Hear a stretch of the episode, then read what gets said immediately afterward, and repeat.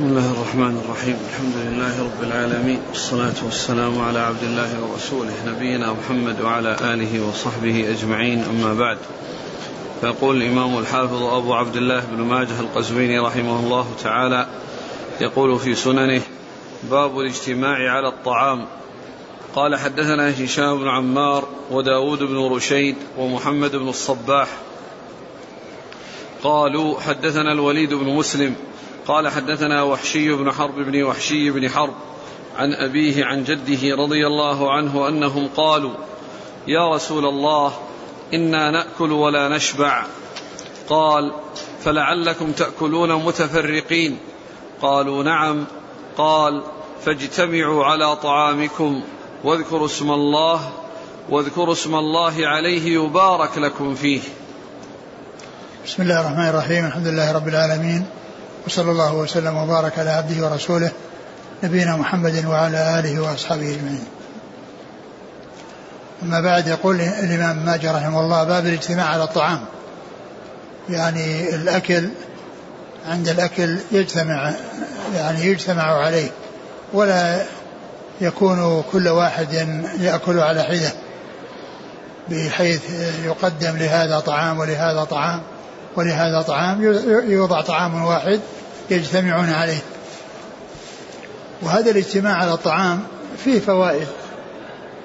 منها أن أن بعضهم بعض المجتمعين يستفيد من بعض ويتعلم من بعض ويعرف بعضهم من بعض آداب الطعام. ولهذا الحديث الذي سبق أن مر أن آه، عمر بن أبي سلمة ربيب النبي صلى الله عليه وسلم لما أكل مع النبي عليه الصلاة والسلام وكانت يده تطيش في الصحفة قال له يا غلام سم الله وكل بيمينك وكل مما يليك. فإذا حصل الاجتماع بين الوالد وأولاده أو بين الجماعة المتقاربين الذين هم آه، بعضهم قريب آه، أقرب لبعض واجتمعوا على الطعام فإن ذلك فيه الإيناس وفيه آه، التعليم والتوجيه لمن يحتاج إلى توجيه ومن يكون عنده خلل في بعض آداب الطعام. ثم أيضا آه، كون البركة يعني تكون يعني في الاجتماع يعني تظهر هذه الآثار فيما إذا كان وضع الطعام لجماعة فإن كل واحد يأكل حاجته ويأكل بغيته وما يريد أن يأكله. بخلاف إذا كان الطعام موزعا وكل واحد له مقدار معين وهم متساوون في كل واحد له صحن وهم متماثلون في مقدار ما يوضع في الصحن فإنهم متفاوتون في الأكل فقد يكون واحد منهم أكل كل ما في صحنه وهو بحاجة إلى مزيد والثاني لا يحتاج إلى كل ما في صحنه يأكل بعضه ويترك بعضه. لكن إذا كانوا مجتمعين على الطعام الذي يكفيه القليل يأخذ ما يكفيه والذي آه، لا يكفيه ما يكفي صاحبه عنده المجال لأن يأكل لأن الطعام مقدم للجميع. لأن الطعام مقدم للجميع فيكون الذي يكفيه القليل أخذ نصيبه والذي يحتاج إلى أكثر مما يحتاج إليه أخوه فإنه يأخذ ما يريد. وهذا من آثار وهذه من آثار بركة الاجتماع على الطعام. لأن كلا يحصل بغيته ويقضي حاجته ويحصل له ما يريد من بسبب الاجتماع بخلاف التفرق فإنه لا لا يتأتى فيه مثل ما يتأتى في الاجتماع. ثم ورد حديث وحشي ابن حرب رضي الله عنه أن أن أنهم قالوا للنبي صلى الله عليه وسلم إننا إننا إننا إننا نأكل ولا نشبع. قالوا يا رسول الله إنا نأكل ولا نشبع. قال فلعلكم تأكلون متفرقين. إنا نأكل ولا نشبع. قال لعلكم تأكلون متفرقين. قال نعم. قال فاجتمعوا على طعامكم يبارك لكم فيه. واذكروا اسم الله. واذكروا اسم الله. فذكر ذكر اسم الله عز وجل عليه أيضا فيه حصول البركة بكون الشيطان لا يشارك فيه. لأن الشيطان إذا لم يحصل تسمية فإنه يشارك في الأكل كما جاء في الحديث عن رسول الله عليه الصلاة والسلام. قد جاء في الحديث أن الشيطان عندما يدخل الإنسان إلى منزله فإذا سمى قال الشيطان لأتباعه لا مبيت لكم. وإذا آه، آه، قدم له العشاء وسمى الله عز وجل قال لا مبيت لكم ولا عشاء. لا مبيت لكم لأنه ذكر اسم الله عند الدخول ولا عشاء لأنه ذكر اسم الله عند الأكل فلا مبيت لكم ولا عشاء. وإذا فتح الإنسان ودخل بيته ولم يسم الله وكذلك أيضا قدم له الطعام ولم يسم الله قال أدركتم المبيت والعشاء. أدركتم المبيت والعشاء وكذلك الحديث الذي سبق مر بنا أن النبي صلى الله عليه وسلم كان مع نفر من أصحابه فجاء أعرابي وأكله بلقمتين. قال أما إنه لو سمى الله لكفاكم. فعند الاجتماع على الطعام وتسمية الله عز وجل عليه لا يشارك الشيطان في فيه ومن حيث الاجتماع كل يأخذ ما يحتاجه وكل يأخذ نهمته وحاجته وهذا بخلاف حال آه، حال التفرق. نعم. قال حدثنا هشام بن عمار. صدوق أخرجه البخاري وأصحاب السنن. وداود بن رشيد. هو؟ ثقة أخرج أصحاب الكتب إلا الترمذي. نعم. ومحمد بن الصباح. صدوق أخرج أبو داود بن ماجه. عن الوليد بن مسلم. ثقة أخرج أصحاب الكتب. عن وحشي بن حرب بن وحشي. وهو؟ مستور نعم. أبو داود بن ماجه. نعم. عن أبيه. وهو مقبول. أخرج أبو داود بن ماجه. نعم. عن جده وحشي. آه، أخرج له البخاري وأبو داود بن ماجه. قال حدثنا الحسن بن علي الخلال. قال حدثنا الحسن بن موسى. قال حدثنا سعيد بن زيد. قال حدثنا عمرو بن دينار قهرمان آل الزبير. قال سمعت سالم بن عبد الله بن عمر قال سمعت أبي يقول سمعت عمر بن الخطاب رضي الله عنهما يقول قال رسول الله صلى الله عليه وسلم كلوا جميعا ولا تفرقوا فإن البركة مع الجماعة. ثم ذكر هذا الحديث عن عمر رضي الله عنه أن النبي صلى الله عليه وسلم قال كلوا جميعا ولا تفرقوا. وهذا مثل الذي قبله في كونهم يجتمعون على الطعام ولا يتفرقون. قال كلوا جميعا ولا تفرقوا. فإن فإن البركة مع الجماعة. فإن البركة مع الجماعة. وهذا مثل الكلمة السابقة. يعني اجتمعوا اجتمعوا على طعامكم يبارك لكم فيه. فهذه الجملة مثل هذه الجملة. والحديثان يقوي بعضهما بعضا. نعم. قال حدثنا الحسن بن علي الخلال ثقة أصحاب الكتب إلا النسائي. عن الحسن بن موسى وهو ثقة أخرج أصحاب الكتب مم. عن سعيد بن زيد. وهو؟ صدوق له أوهام نعم. البخاري تعليقا ومسلم نعم. وأبو داود والترمذي وابن ماجه. عن عمرو بن دينار قهرمان آل الزبير. وهو متروك؟ ضعيف. ضعيف. أخرج له الترمذي وابن ماجه. نعم. عن سالم بن عبد الله بن عمر. سالم بن عبد الله بن عمر ثقة أخرج أصحاب الكتب. عن أبيه. عبد الله بن عمر أحد العبادلة الأربعة. وأحد السبع المكثرين من حديث النبي صلى الله عليه وسلم. عن عمر. وعمر بن الخطاب رضي الله عنه أمير المؤمنين وثاني الخلفاء الراشدين الهاديين المهديين صاحب المناقب الجمة والفضائل الكثيرة وحديثه عند أصحاب الكتب الستة. والقهرمان هو الخازن الذي آه، يكون مسؤولا عن الطعام. نعم. أو غيره. نعم. يقول السائل من عاداتنا في الأعراس الزوجية أن كل واحد يجعل له صحن خاص به يأكل به ما يشاء من الطعام. صحن خاص به يأكل ما يشاء من الطعام؟ يعني يعني هل المقصود هل المقصود أن الطعام يعني يوضع ثم كل يعطى صحن ويأخذ ما يريد؟ هذا لا بأس به. يعني أن الصحن طعام موجود يعني بكمية كبيرة ثم كل واحد يأخذ صحن ويأخذ ما يشتهي وما يحتاج لا بأس بذلك. وهذا مثل أيضا لو أن الناس اجتمعوا على طعام على على صحن وفيه يعني الرز وفيه اللحم وفيه كذا ثم كل واحد صار يغرف له من هذا الصحن الكبير ويأخذ يعني شيء من اللحم ويأكله فإن ذلك لا بأس به لأن هذا مثل الاجتماع على كونهم يأكلون من الصحن. لأن كل واحد يأخذ حاجته يأخذ حاجته ويأخذ على مقدار حاجته ويأكل يعني ما, ما يحتاج إليه. والإنسان الذي آه، أخذ في الصحن ثم احتاج إلى زيادة يأخذ زيادة. يقول في بلادنا في بعض المناطق يجتمع على الطعام النساء والرجال على مائدة واحدة. هذا غلط. ليس للنساء يأكلن مع الرجال. النساء يأكلن على حدة والرجال يأكلون على حدة. قال رحمه الله تعالى باب النفخ في الطعام. قال حدثنا أبو كريب قال حدثنا عبد الرحيم بن عبد الرحمن المحاربي قال حدثنا شريك عن عبد الكريم عن عكرمة عن ابن عباس رضي الله عنهما أنه قال لم يكن رسول الله صلى الله عليه وسلم ينفخ في طعام ولا شراب ولا يتنفس في الإناء. ثم ذكر باب النفخ في الطعام. النفخ في الطعام يعني كونه ينفخ الطعام يعني بحيث يكون حارا فيريد أنه يبرد.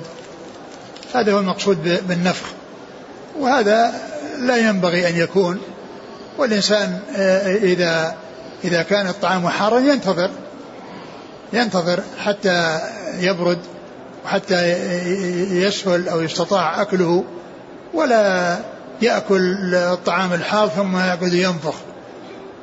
فإن هذا جاءت السنة بتركه والنهي عنه. وقد أورد هذا الحديث عن النبي عن النبي صلى الله عليه وسلم من فعله. جاء عن النبي صلى الله عليه وسلم من فعله. وفيه شريك وقد انفرد به وفي كلام لكنه ثبت عن النبي صلى الله عليه وسلم أنه نهى عن النفخ في الطعام.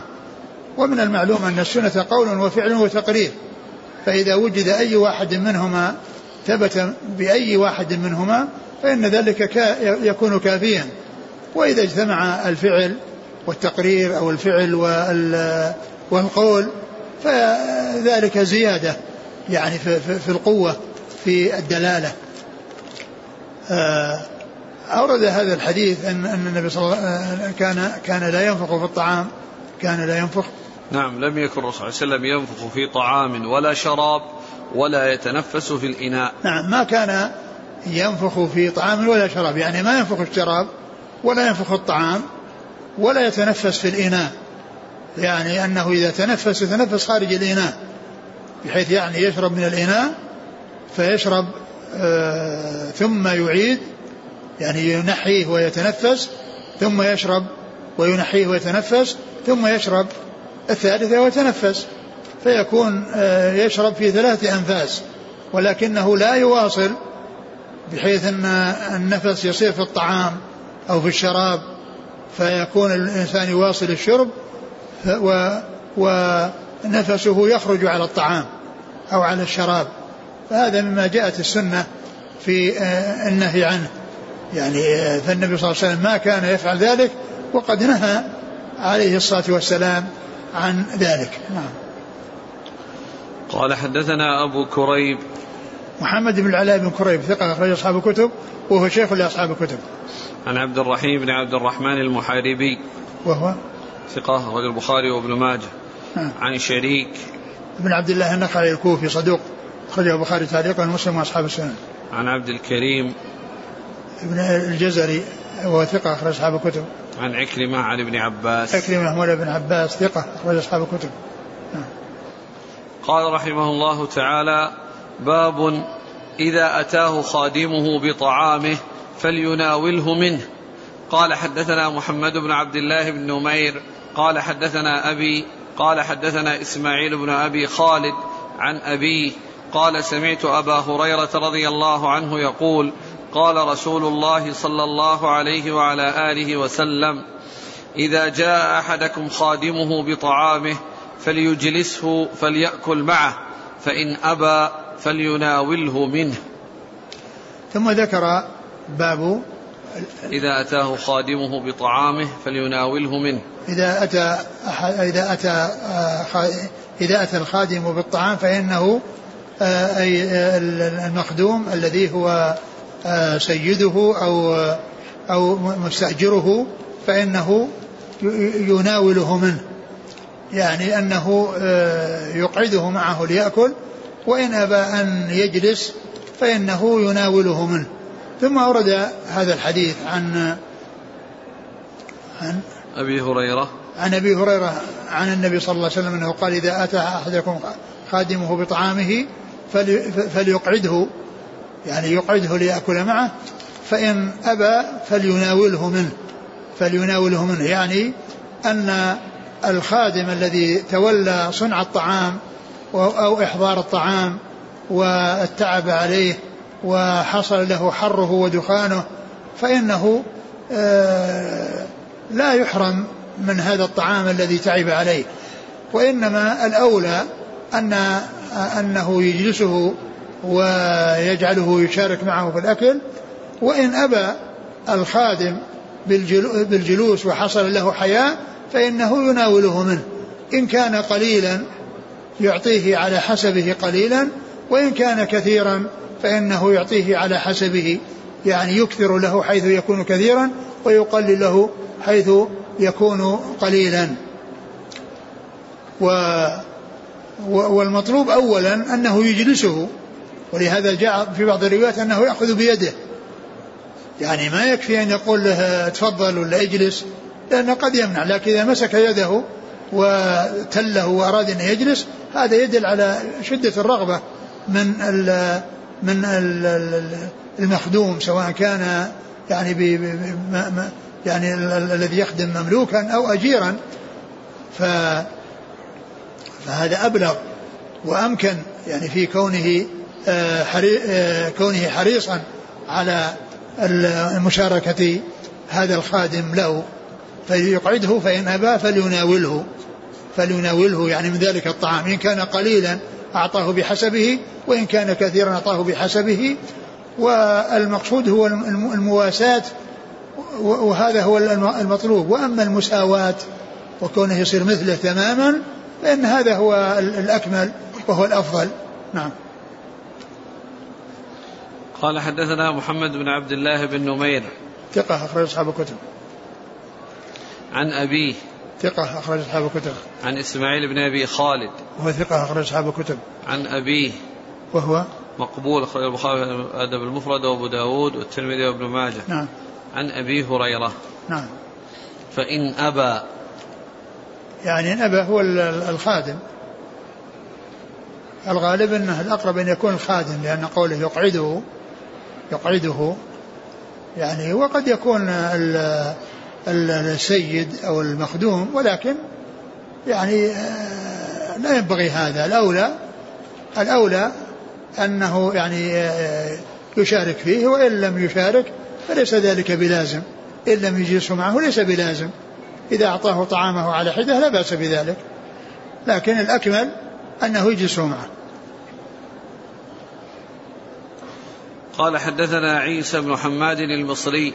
هو؟ قال نعم. نقرأ الإسناد. نعم. قال حدثنا عيسى بن حماد المصري. قال حدثنا الليث بن سعد عن جعفر بن ربيعة عن عبد الرحمن الأعرج عن أبي هريرة رضي الله عنه أنه قال قال رسول الله صلى الله عليه وسلم إذا أحدكم قرب إليه مملوكه طعاما قد كفاه عناءه وحره فليدعه فليأكل معه فإن لم يفعل فليأخذ لقمة فليجعلها في يده. ثم ذكر هذا الحديث عن أبي هريرة من طريق أخرى وهو مثل الذي قبله إلا أنه قال هنا فليأخذ لقمة فليجعلها في يده. يعني إذا لم يجلس ويشارك يعطيه ولعل هذا فيما إذا كان لقمة يعني إذا كان قليلا. وأما إذا كان كثيرا فإنه يعطيه بحسبه نعم. قال حدثنا عيسى بن حماد المصري. هو؟ ثقة أخرجه مسلم وأبو داود والنسائي بن ماجه. نعم. عن الليث بن سعد. المصري ثقة أخرج أصحاب الكتب.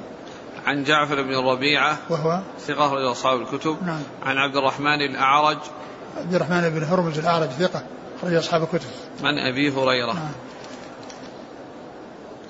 قال حدثنا علي بن المنذر قال حدثنا محمد بن فضيل قال حدثنا إبراهيم الهجري عن أبي الأحوص عن عبد الله رضي الله عنه أنه قال قال رسول الله صلى الله عليه وسلم إذا جاء خادم أحدكم بطعامه فليقعده معه أو ليناوله منه فإنه هو الذي ولي حره ودخانه. ثم ذكر هذا الحديث وهو مثل الذي قبله. قال حدثنا علي بن المنذر. صدوق أخرج له. الترمذي والنسائي بن ماجه. عن محمد بن فضيل. صدوق أخرج أصحاب الكتب. عن إبراهيم الهجري. وهو لين. أخرج له ابن ماجه. نعم. عن أبي الأحوص. آه، عوف بن مالك بن نضلة وهو ثقة أخرجه البخاري. هذا المفرد. نعم ومسلم أصحاب السنة. عن عبد الله. عن عبد الله بن مسعود رضي الله عنه. أخرج أصحاب الكتب. يقول هل يدخل في الخادم من يقدم الطعام في المطاعم مثلا؟ لا. ليس هذا ليس لأن هذا آه يعني ما يقدم لسيده ولا لأجيره هذا يقدم لعدد من الناس. لعدد من الناس يعني يعني هو يعني يقدم لعدد من الناس فلا فلا يعطيه شيئا يعني مثل هذا. لأنه ليس هو الذي صنع الطعام له وحده وإنما هذا يعطي هذا ويعطي هذا ويعطي هذا ويعطي هذا وقد يكون بالعشرات. يعني فهذا ليس من هذا القبيل. وإنما هذا في الذي صنع الطعام لسيده أو لمستخدمه أو أجير يعني فعل ذلك. أما إنسان يأتي لمطعم ثم الخادم يعطي يعطي هذا ويعطي هذا ويعطي هذا هذا لا لا يعطى شيء. يقول إذا كان الخادم يتعاطى أو يعطى راتبا شهريا على عمله الطبخ فهل يعطى كذلك من الطعام الذي يطبخه؟ نعم يعني ينبغي أنه يعطى لأنه كما هو معلوم الأجير يعني يأخذ تقاضى تقاضى راتب ما هو يشتغل بالمجان. ومع ذلك الرسول عليه الصلاة والسلام يعني لكونه تولى حارة فينبغي أن يحصل شيئا من قاره قال رحمه الله تعالى باب الأكل على الخوان والسفرة. قال حدثنا محمد بن المثنى قال حدثنا معاذ بن هشام قال حدثنا أبي عن يونس بن أبي الفرات الإسكاف عن قتادة عن أنس بن مالك رضي الله عنه أنه قال ما أكل النبي صلى الله عليه وسلم على خوان ولا على سكرجة قال فعلى قال فعلى ما كانوا يأكلون. قال على السفر. ثم ذكر باب الأكل. على الخوان والسفرة. باب الأكل على الخوان والسفرة. الخوان هو الشيء المرتفع الذي يوضع عليه الطعام من خشب أو غيره و والسفرة هي ال ال ال الوطاء الذي يوضع يعني يصير الطعام يعني فوقه وهو مفروش على الأرض. إذا سقط شيء سقط على السفرة.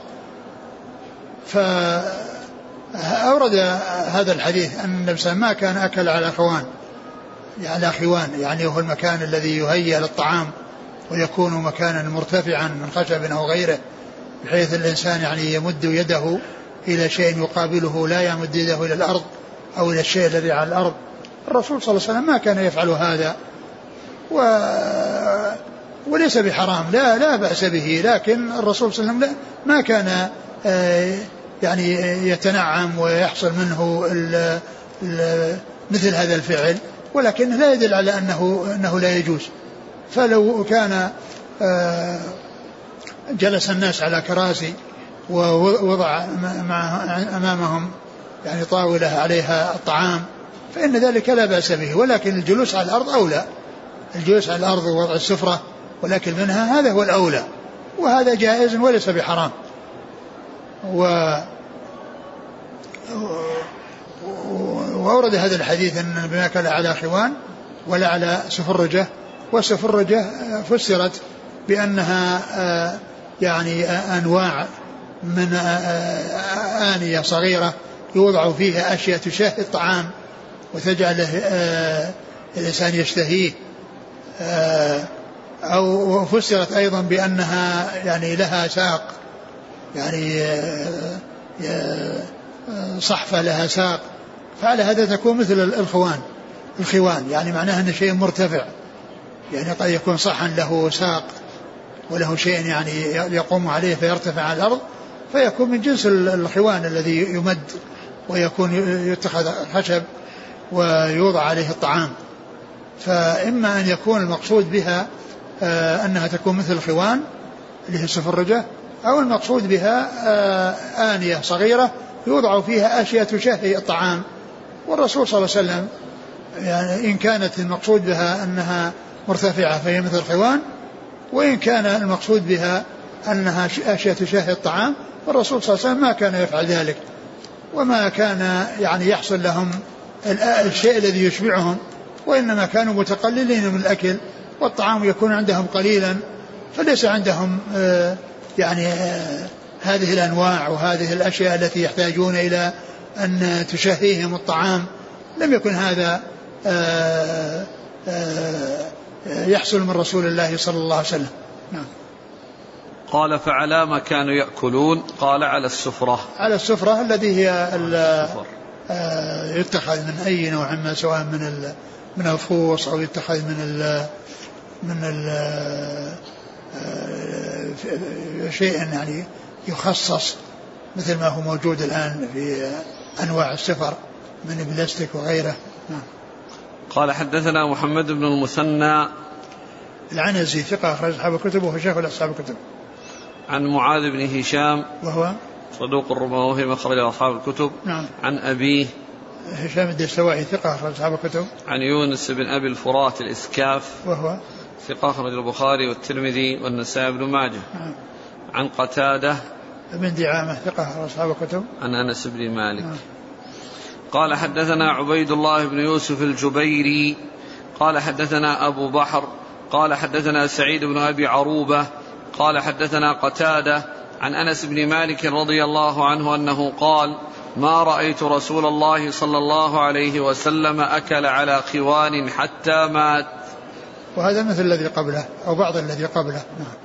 قال حدثنا عبيد الله بن يوسف الجبيري هو؟ صدوق له ابن ماجه نعم. عن أبي بحر وهو ضعيف. أبو داود بن ماجه نعم. عن سعيد بن أبي عروبة ثقة أصحاب الكتب عن قتادة عن أنس. نعم. قال رحمه الله تعالى باب النهي أن يقام عن الطعام حتى يرفع وأن يكف وأن يكف يده حتى يفرغ القوم. قال حدثنا عبد الله بن أحمد بن بشير بن ذكوان الدمشقي. قال حدثنا الوليد بن مسلم عن منير بن الزبير عن مكحول عن عائشة رضي الله عنها أن رسول الله صلى الله عليه وسلم نهى أن يقام عن الطعام حتى يرفع. نعم اللي بعده. نعم. اللي بعده. قال حدثنا محمد بن خلف العسقلاني قال حدثنا عبيد الله قال أنبأنا عبد الأعلى عن يحيى بن أبي كثير عن عروة بن الزبير عن ابن عمر رضي الله عنهما أنه قال قال رسول الله صلى الله عليه وسلم إذا وضعت المائدة فلا يقوم رجل حتى ترفع المائدة ولا يرفع يده وإن شبع حتى يفرغ القوم وليعذر. فإن الرجل يخجل جليسه فيقبض يده وعسى أن يكون له في الطعام حاجة. ثم ذكر باب النهي أن يقام عن الطعام حتى يرفع وأن نعم. يكف يده حتى يفرغ القوم. باب النهي عن ال عن ال باب النهي عن أن يقام عن الطعام أن يقام عن الطعام حتى يرفع. يعني أن الإنسان لا يقوم قبل أن يرفع الطعام وإنما ينتظر حتى يرفع الطعام. وكذلك أيضا لا يكف إذا لا يكف يده يعني حتى يفرغ يعني أصحابه. الذين معه. أورد هذين الحديثين وكل منهما ضعيف. أما الأول فهو أن النبي نهى أن أن يقام عن الطعام حتى أن نهى أن أن يقام. أن يقام عن الطعام حتى يرفع. أن يقام عن الطعام حتى يرفع يعني أن الإنسان يجلس إذا كان يأكل يجلس حتى يرفع الطعام ثم بعد ذلك يقوم. ولا يقوم قبل أن يرفع. والحديث الحديث ضعيف. ومعلوم أن أن كون الإنسان يعني يبقى حتى يرفع الطعام ليس بلازم. لأن وقد يكون الطعام شيء كثير ورفعه يحتاج إلى وقت طويل وقد يكون الناس آه، آه، يأكلون في مكان وينتقلون إلى مكان آخر. الحاصل أن أن هذا ليس بلازم. وقد جاء فيه هذا الحديث الضعيف. أما الحديث الثاني فأيضا هو ضعيف ولكن يعني آه، بعض ما فيه من ناحية أنه إذا أكل مع غيره أنه لا يستعجل لأنه قد يكون غيره يستحي فيقوم ويتابعه فكونه يبقى وإن فرغ ولكنه آه، عندما يقضي حاجته آه، أشار إلى في هذا الحديث إلى أنه أنه لا أنه لا يعني لا يعذر يعني أنه يعني آه، وليعذر. أنه يعذر يعني معناه أنه يعني يقصر يعني أو يعني يتناول يعني شيء قليل وهو يأكل يعني حتى حتى يستأنس به من حوله ويأكل ممن له حاجة إليه. يعني معنى ذلك أنه لا يكفي ذي ويصير جالس وإنما يعني يأخذ شيء قليل وهكذا. يعني شيء قليل لا يؤثر عليه, عليه وعلى شبعه حتى يؤنس صاحبه ويؤنس من كان معه بحيث أنه يقضي حاجته ولا يقوم حياء ومن كونه آه، سبقه من سبق فيتابع ذلك السابق. وإنما ينبغي لهذا الذي فرغ أن يبقى. وأن آه، وإذا فعل أنه صار يأكل يعني شيئا قليلا يعني حتى يؤنس معه وحتى يطمئن من كان معه. لا شك أن هذا يعني شيء جيد. واقرأ الحديث. الأخير. إذا وضعت المائدة فلا يقوم رجل حتى ترفع المائدة. وهذا مثل الحديث الذي مر الحديث السابق خاص بالرفع بأنه لا يقوم حتى ترفع. نعم وفيه الزيادة وهي ولا يرفع يده وإن شبع حتى يفرق القوم وليعذر. وليعذر يعني أنه يأكل يعني شيء قليلا. يعني آه، يأخذ يتناول يعني شيء قليلا حتى يفرغ القوم الذين معه فيقومون جميعا. ويكون الذي بحاجة إلى الطعام يأكل ولا يقوم حياء من أجل أنه قام بعضهم فيتابعه آه، البعض الآخر. وإنما آه، هذا الذي فرغ أنه آه، يتناول الشيء القليل الذي عبر عنه بكونه يعذر وحتى يستفيد غيره ممن هو بحاجة إلى الأكل لأنه بذلك لو فعل يخجل جليسه ويخجل أكيله ويجعله يقوم وهو بحاجة إلى الطعام. أعد لفظة. ولا يرفع يده وإن شبع حتى يفرغ القوم وليعذر. فإن الرجل يخجل جليسه فيقبض يده وعسى أن يكون له في الطعام حاجة يعني أن الجليس يقبض يده لأن جليسه قبض يده فيتابعه وقد يكون له في الطعام حاجة ولكن منعه الحياء والخجل لكونه قد يظن أنه شره وأن عنده شره فيترك وهو بحاجة إلى الطعام. وإنما الذي فرغ أولا هو الذي ينبغي أن يتمهل وأن يؤنس آه، شريكه ويمكنه من أكل آه، ما يعني ما يحتاج إليه. ولو بأن يتناول الشيء القليل الذي لا يؤثر عليه ولكن فعله آه، يستفيد منه صاحبه إذا رآه يأكل. نعم. قال حدثنا عبد الله بن أحمد بن بشير بن ذكوان. هو؟ صدوق أبو داود بن ماجه. نعم. عن الوليد بن مسلم. ثقة أصحاب الكتب. عن منير بن الزبير. وهو ضعيف. رضي ابن ماجه. نعم. عن مكحول. وهو الشامي وهو صدوق. البخاري في القراءة ومسلم وأصحاب السنن. نعم. عن عائشة. نعم. قال حدثنا محمد بن خلف العسقلاني. هو؟ صدوق والنساء بن ماجه. نعم. عن عبيد الله. بن موسى وثقة أخرج أصحاب الكتب. عن عبد الأعلى. بن أعين وهو لين أو ضعيف. ضعيف ضعيف نعم ابن ماجه. نعم. عن يحيى بن أبي كثير. اليمامي ثقة أخرج أصحاب الكتب. عن عروة بن الزبير. رضي الله عنه وهو- ثقة فقيه أخرج أصحاب الكتب. عن ابن عمر. نعم. كما تعلمون الناس لهم أعراف في مسائل الأكل وقضية القيام والجلوس والتقطيع. ف وإن لم تثبت سنة في ذلك لكن هل الأخذ بهذه الأعراف يعني له وجه؟ أو كل يقول أنا آكل كما تعودت؟ آه، كون بعضهم آه، يتأخر ويجلس ويؤنس يعني صاحبه لا شك أن هذا هو الأولى من غيره. والناس آه، يعني حتى ولو آه، حصل التعارف الآن بعضهم يقوم قد يكون ذلك سببا في حياء من يكون مشاركا لا سيما إذا كان يعني غريبا وليس من الملازمين والذين اعتادوا مثل هذا فيما يكون بين الأقارب وبين الناس اللي يعني يأكلون جميعا باستمرار ويعرف بعضهم يعني أن أن أن كون هذا يقوم وهذا يجلس لكن قد يأتي أحد غريب فيترك الأكل حياء لأنه قام قبله من قام ممن شاركه في الأكل. قال رحمه الله تعالى باب من بات وفي يده ريح غمر.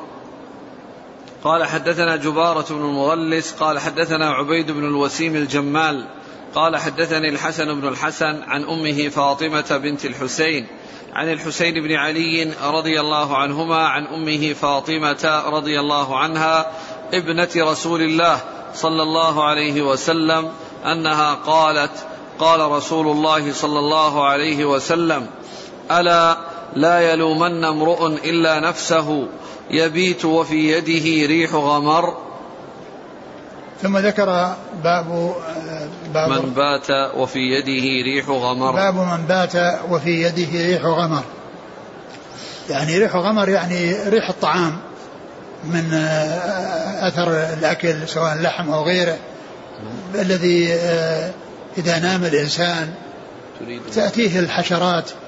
وتأتيه الهوام على ريح الطعام فتؤذيه يعني تؤذي يده أو تؤذيه بسبب أنها جاءت بسبب هذا الغمر الذي على يديه.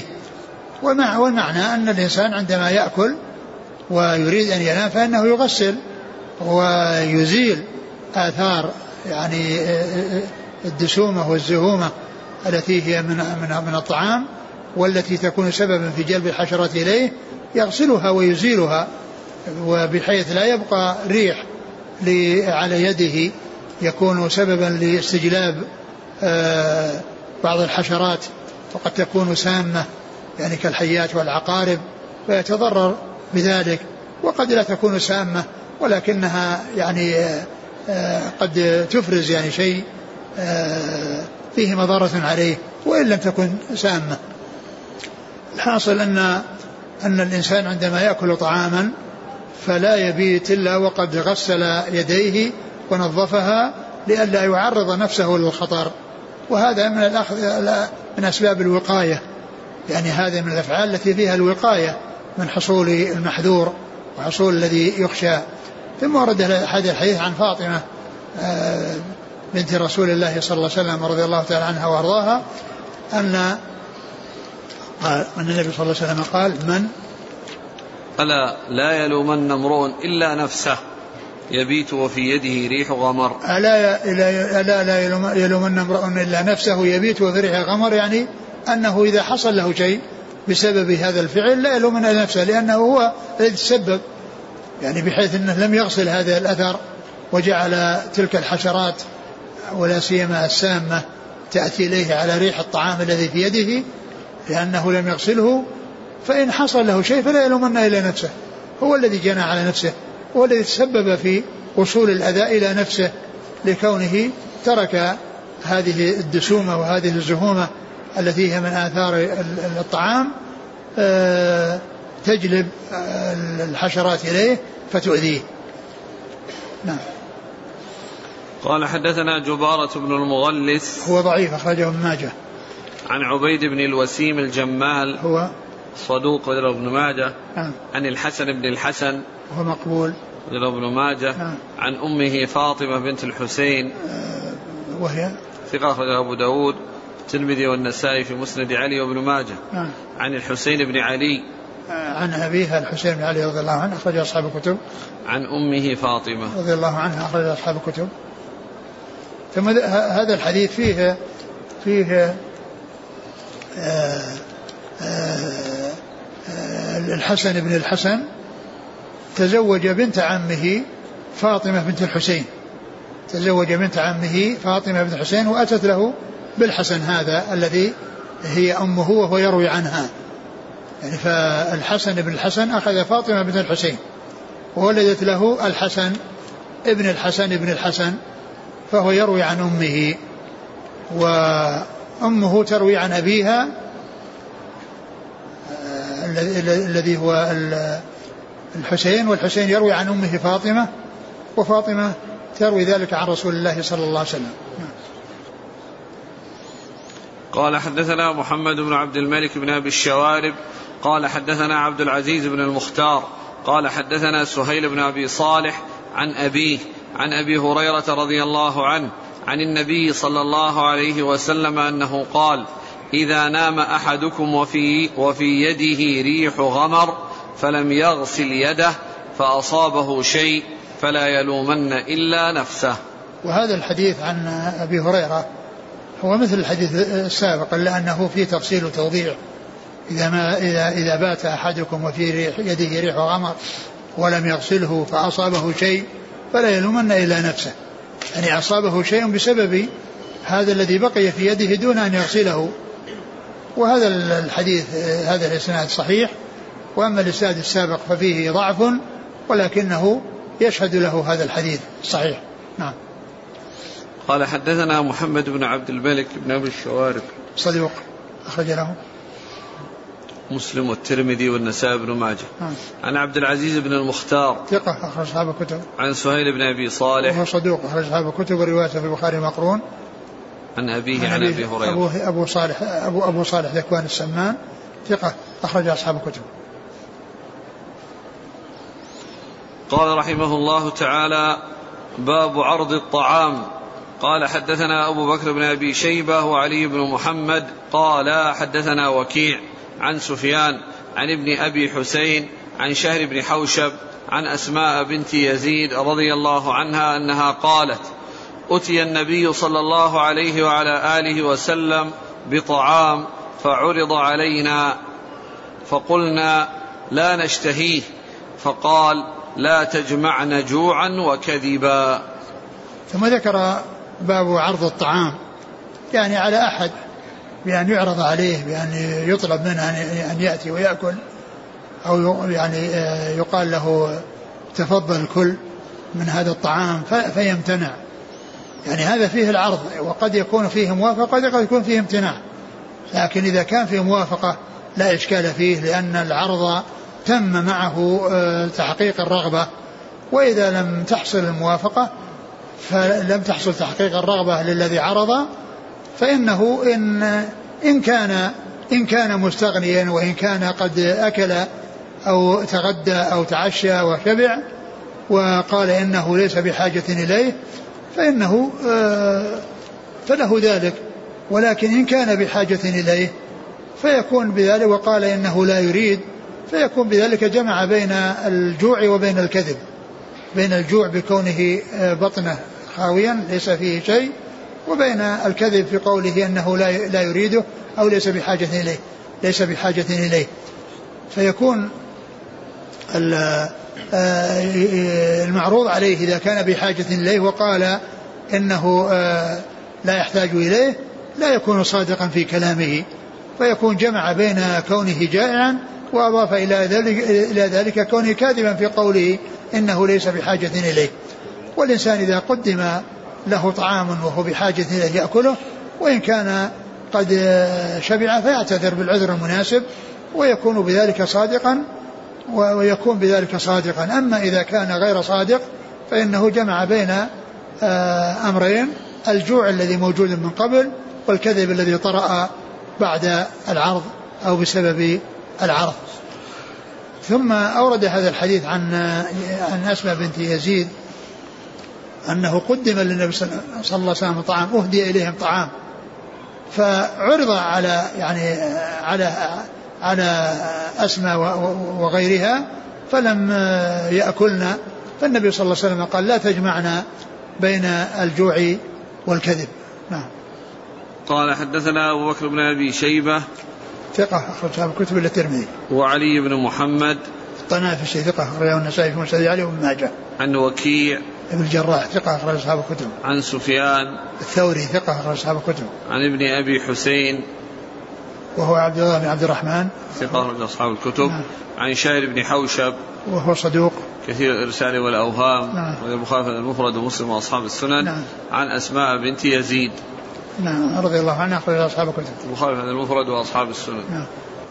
قال حدثنا أبو بكر بن أبي شيبة وعلي بن محمد. قال حدثنا وكيع عن أبي هلال عن عبد الله بن سوادة عن أنس بن مالك رضي الله عنه رجل من بني عبد, عبد الأشهل. قال أتيت النبي صلى الله عليه وسلم وهو يتغدى فقال أدن فكل. فقلت إني صائم. فيا لهف نفسي هلا كنت طعمت من طعام رسول الله صلى الله عليه وسلم؟ ثم ذكر آه هذا الحديث عن أنس بن مالك من بني عبد الاشهل نعم. إي نعم. نعم. قال آه أتيت النبي صلى الله عليه وسلم؟ أتيت النبي صلى الله عليه وسلم وهو يتغدى. أتيت النبي صلى الله عليه وسلم وهو يتغدى فقال له كل. فقلت إني صائم. فتركه لما قال إنه صائم ف آه، الرسول صلى الله عليه وسلم جاء في حديث سابق أنه قال إن الله آه، يعني أحدثك وأعلمك أن الله وضع عن المسافر شطر الصلاة ووضع عنه عن عن عن المسافر وعن الحامل والمرضع الصيام. يعني آه، ف فلم يأكل لأنه قال إنه صائم. ثم بعد ذلك ندم على أنه لم يشارك النبي صلى الله عليه وسلم في ذلك الطعام وأنه ترك الصيام الذي كان يعني الذي هو يعني آه، صائم في السفر آه، الذي هو كان صائما في السفر. ولعل ذلك آه، أن أن أن, أن المقصود به أنه ليس بفرض وإنما هو نفل. ومعلوم أن النفل الإنسان له أن يترك يعني له أن يفطر وله أن يترك الصيام يعني إذا احتاج إلى ذلك. فلما عرض عليه النبي صلى الله عليه وسلم وقال إنه صائم بعد ذلك ندم وقال يا لهب نفسي آه، أنني لا لم آكل مع النبي صلى الله عليه وسلم. يعني ندم على أنه لم يشارك النبي صلى الله عليه وسلم في هذا الطعام لأن مشاركة النبي صلى الله عليه وسلم فيها الخير وفيها البركة. نعم. قال حدثنا أبو بكر بن أبي شيبة وعلي بن محمد عن وكيع عن أبي هلال. هو؟ صدوق فيه لين أخرج البخاري تعليقا وأصحاب السنن. نعم. عن عبد الله بن سوادة وهو ثقة أخرجه مسلم وأصحاب السنن. نعم. عن أنس بن مالك رجل من بني عبد الأشهل. أخرج له. أصحاب السنن. نعم. وهذا قال لما صار يعني الرجل يعني هذا ليس المب... ليس أنس بن مالك الصحابي الذي هو خادم النبي صلى الله عليه وسلم أتى بالشيء الذي يميزه لأنه لا لم يذكر فإنه ينصرف إلى أنس بن مالك خادم النبي صلى الله عليه وسلم. لو لم يذكر مثل عمرو بن دينار الذي هو قهرمان آل الزبير الذي مر لأنه لو لم يذكر صار المقصود بعبد عمرو بن دينار المكي الثقة الذي أخرجه أصحاب الكتب الستة. لكن لما كان آه، يشترك معه في الاسم واسم الأب ولو لو لم يذكر ذلك الوصف لانصرف إلى المشهور الذي يقال له الجادة. يعني عندما يعني الذي يكون آه، مشهورا يطلقون عليه الجادة. وغيره على خلاف الجادة. يعني أن أنس بن مالك عندما لم يذكر يعني وصف بني, بني عبد الأشهل ينصرف إلى أنس بن مالك خادم النبي صلى الله عليه وسلم وهو الجادة. ولهذا احتيج إلى أن يقال بني عبد الأشهل كما مر في عمرو بن دينار آه، قهرمان آل الزبير لأنه يميزه عن الرجل المشهور الذي هو عمرو بن دينار المكي الثقة الذي أخرجه أصحاب الكتب الستة. وهذا يعبرونه بالجادة يعني الذي يكون يعني هو الأصل ولهذا قد يحصل التصحيف بين يعني آآ آآ لفظ هو الجادة ولفظ يصير قريبا منه يحصل التصحيف بينهما.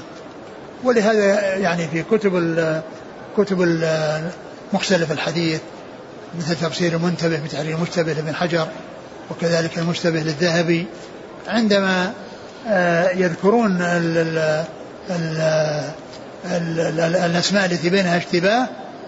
يذكر أولا آه، المشهور فيقول الجادة. ثم يأتي باللفظ الآخر الذي على خلاف الجادة. مثل ما قال أحمد أحمد بهذا اللفظ الجادة. يعني أحمد كثير. وفي شخص واحد قال أجمد بالجيم. هذا على خلاف الجادة. أحمد الجادة. فلا يحتاج إلى أن يمثل له وأما الذي على خلاف الجادة هو الذي يذكر. فأحمد وأجمد أحمد هو الجادة لأنه يسمى به كثير وأجمد هذا من الأسماء المفردة النادرة التي يسمى بها. نعم. قال رحمه الله تعالى باب الأكل في المسجد. قال حدثنا يعقوب بن حميد بن كاسب وحرملة بن يحيى قال حدثنا عبد الله بن وهب قال أخبرني عمرو بن الحارث قال حدثني سليمان بن زياد الحضرمي أنه سمع عبد الله بن الحارث بن جزء الزبيدي رضي الله عنه يقول كنا نأكل على عهد رسول الله صلى الله عليه وسلم في المسجد الخبز واللحم.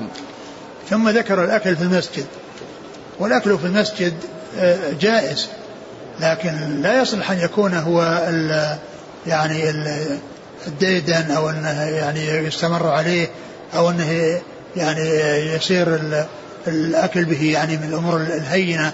عند الحاجة لا بأس بذلك. أما ومع لزوم تنظيف المسجد وعدم الأكل في المسجد سائغ لكنه لا يتخذ عادة وطريقة يعني يستمر عليها مثل النوم في المسجد. عند الحاجة ينام الإنسان في المسجد ولكنه لا يتخذه سكنا وينام فيه دائما. فكذلك الطعام إذا أكل فيه في بعض الأحيان لا بأس بذلك. لكن مع مراعاة عدم حصول يعني شيء يلوث به المسجد أو شيء يؤذي الناس فأورد في هذا الحديث أنهم كانوا يأكلون اللحم والخبز في المسجد وجاء أيضا في بعض الأحاديث أنهم كانوا يعلقون القنو في المسجد فيأكل, فيؤكل منه القنو من التمر ومن الرطب فيؤكل منه في المسجد فجاء هذا وجاء هذا. لكن عند الحاجة إلى ذلك ولا يكون عادة وطريقة يعني آآ آه، آآ آه، لا فرق بين آه، المسجد وغير المسجد بل هناك فرق بين المسجد وغيره. المسجد عند الحاجة التي تدعو إلى ذلك يؤكل فيه وفي غير ذلك يؤكل في في غير المساجد. نعم. قال حدثنا يعقوب بن حميد بن كاسب صدوق أخرج له. قال في خلق أفعال العباد بن ماجه نعم. وحرملة بن يحيى التجيبي وهو صدوق أخرج له. مسلم النسائي بن ماجه. نعم. عن عبد الله بن وهب ثقة أخرج أصحاب الكتب. عن عمرو بن الحارث المصري ثقة أخرج أصحاب الكتب. عن سليمان بن زياد الحضرمي وهو ثقة أخرجه الترمذي في الشمائل وابن ماجه. نعم. عن عبد الله بن الحارث بن جز رضي الله عنه أخرج له. أبو داود الترمذي وابن ماجه. نعم. والله أعلم وصلى الله وسلم وبارك على عبده ورسوله نبينا محمد وعلى آله وأصحابه أجمعين. جزاكم الله خيرا وبارك الله فيكم ألهمكم الله الصواب وفوقكم الحق. نفعنا الله بما سمعنا غفر الله لنا ولكم والمسلمين أجمعين. آمين. يقول السائل في بلادي عندما يبنون مسجدا جديدا يقوم أهل المنطقة المنطقة بإعداد وليمة طعام داخل المسجد يوم افتتاحه. فما رأيكم في هذا العمل والأكل؟ يعني يقومون يطبخون فيه ولا يقدمون الطعام فيه؟ يعني يكون يطبخ فيه يعني ما يصلح أن يتخذ مكان للطبخ. وأما مسألة الطعام يعني يكونه يعني يقدم يعني فيه في بعض الأحيان. فإذا إذا عمل ذلك فهذا من جنس ال عملها عند عند عند عند بناء بيت. فإذا فعلوا ذلك وأكرموا بعض الناس لا سيما الفقراء والمساكين لا بأس بذلك إن شاء الله. يقول بدأ ينتشر عندنا إقامة عقد القران في المسجد. وفيها يوزعون الطعام ويأكلون في المسجد. هذا غير جيد ما ينبغي هذا. يعني القرآن يعني يعقد في المسجد لا بأس. ولكن كونه يتخذ آه، مناسبات جاء فيها الطعام هذا غير جيد. هذه فائدة من كلام مبارك فوري على شرح في شرح الترمذي في بيان الفرق بين القصعة والجفنة والصحفة. نعم. يقول قال الكسائي أعظم القصاع الجفنة ثم القصعة تليها تشبع العشرة ثم الصحفة تشبع الخمسة ثم المكيلة تشبع الرجلين والثلاثة ثم الصحيفة تشبع الرجل. أو الصحيفة أو الصحيفة لعلها صحيفة. يعني خمسة. قال إيش التعبير الأول؟ التعبير. الجفنة أعظم لا القصاع. لا قبل هذا. قال الكساء أعظم القصاع الجفنة. ثم؟ ثم القصعة. يعني كأنه يعني آه، عبر بالقصاع الذي هو دون الحد الأعلى. يعني فيه يعني جفنة وقصعة وصحفة و مكيلة, مكيلة وصحيفة. آه. كان يعني المشهورة يعني هذا القصعة. ولهذا يعني نسب هذه الأشياء إليها. فقال القصاع. قد جاء في القرآن وجفان كالجواب. يعني يعني إشارة إلى كبرها. يقول من عرض عليه طعام وهو جائع لكن من شخص يغلب على الظن أنه بأن كسبه محرم. إذا كان يغلب على الظن فهو معذور. وأما إذا كان ما غلب على ظنه لأن العلم وغلبة الظن يعني حكمهما واحد. فإذا علم أو غلب على ظنه ثم إنه اعتذر بسبب هذا السبب فهو معذور. هل يجوز الاجتماع مع الكفار وقت أكل الطعام؟ نعم جائز. أقول جائز الأكل الأكل معهم. لكن لا يكون في شيء محرم في نفس المائدة. لا يجوز أن يكون فيها شيء محرم كالخنزير وكالميتة وكالخمر. يقول هل المقصود بالخادم الذي أعد الطعام حتى لو أرسله سيد سيده ليشتري له الطعام. والله يبدو أنه مثل هذا. مثل هذا لأنه شم ريحه ويعني أحضره ورآه فكونه يشارك فيه لا شك أن هذا هو, هو, هو الذي ينبغي. هل يجوز للمرأة أن تقدم الطعام للأجانب؟ لا ليس لها ذلك. إذا كان طعام كل شخص في صحن خاص به هل يجوز له أن ينفخ في صحنه الخاص؟ لا. يعني أقول مثل هذا أدب يعني من الآداب هو ترك النفخ سواء يعني يخصه سواء له أو لغيره. لأن لأن الإنسان يعني نفخ اللقمة اللقمة له ما في أحد يأكلها غيره. عندما يأخذ اللقمة وينفخها نعم. إذا كان نفخ الطعام من أجل الأولاد الصغار فهم لا يقدرون أن يصبروا حتى يبرد. هو يترك يعني قبل أن يحضروه يبرد. يعني يبرد قبل أن يحضروه مو يأتون به حار ثم يضطرون إلى أن يعملوا هذا العمل. يتركوه في مكانه الذي يعني آه، آه، آه، أفرغ فيه يعني حتى يعني تذهب حرارته ويكون مستساغا فيحضرونه. أما أن يحضروه أمامهم ثم ينفخون لا يفعلون يتركونه حتى يبرد ويكون مستساغا ويعودوهم ويعني يمرنوهم على مثل هذا العمل. مريض في المسالك البولية الذي يضع الأنبوب يخرج منه البول هل يتوضأ لكل صلاة؟ وهل يغسل المكان في كل وضوء؟ أعد السؤال. المريض المسالك الذي يضع الأنبوب نعم. الذي يخرج منه البول. نعم. هل يتوضأ لكل صلاة؟ نعم يتوضأ وهل؟ نعم. يتوضأ لكل صلاة لأن حدث دائم.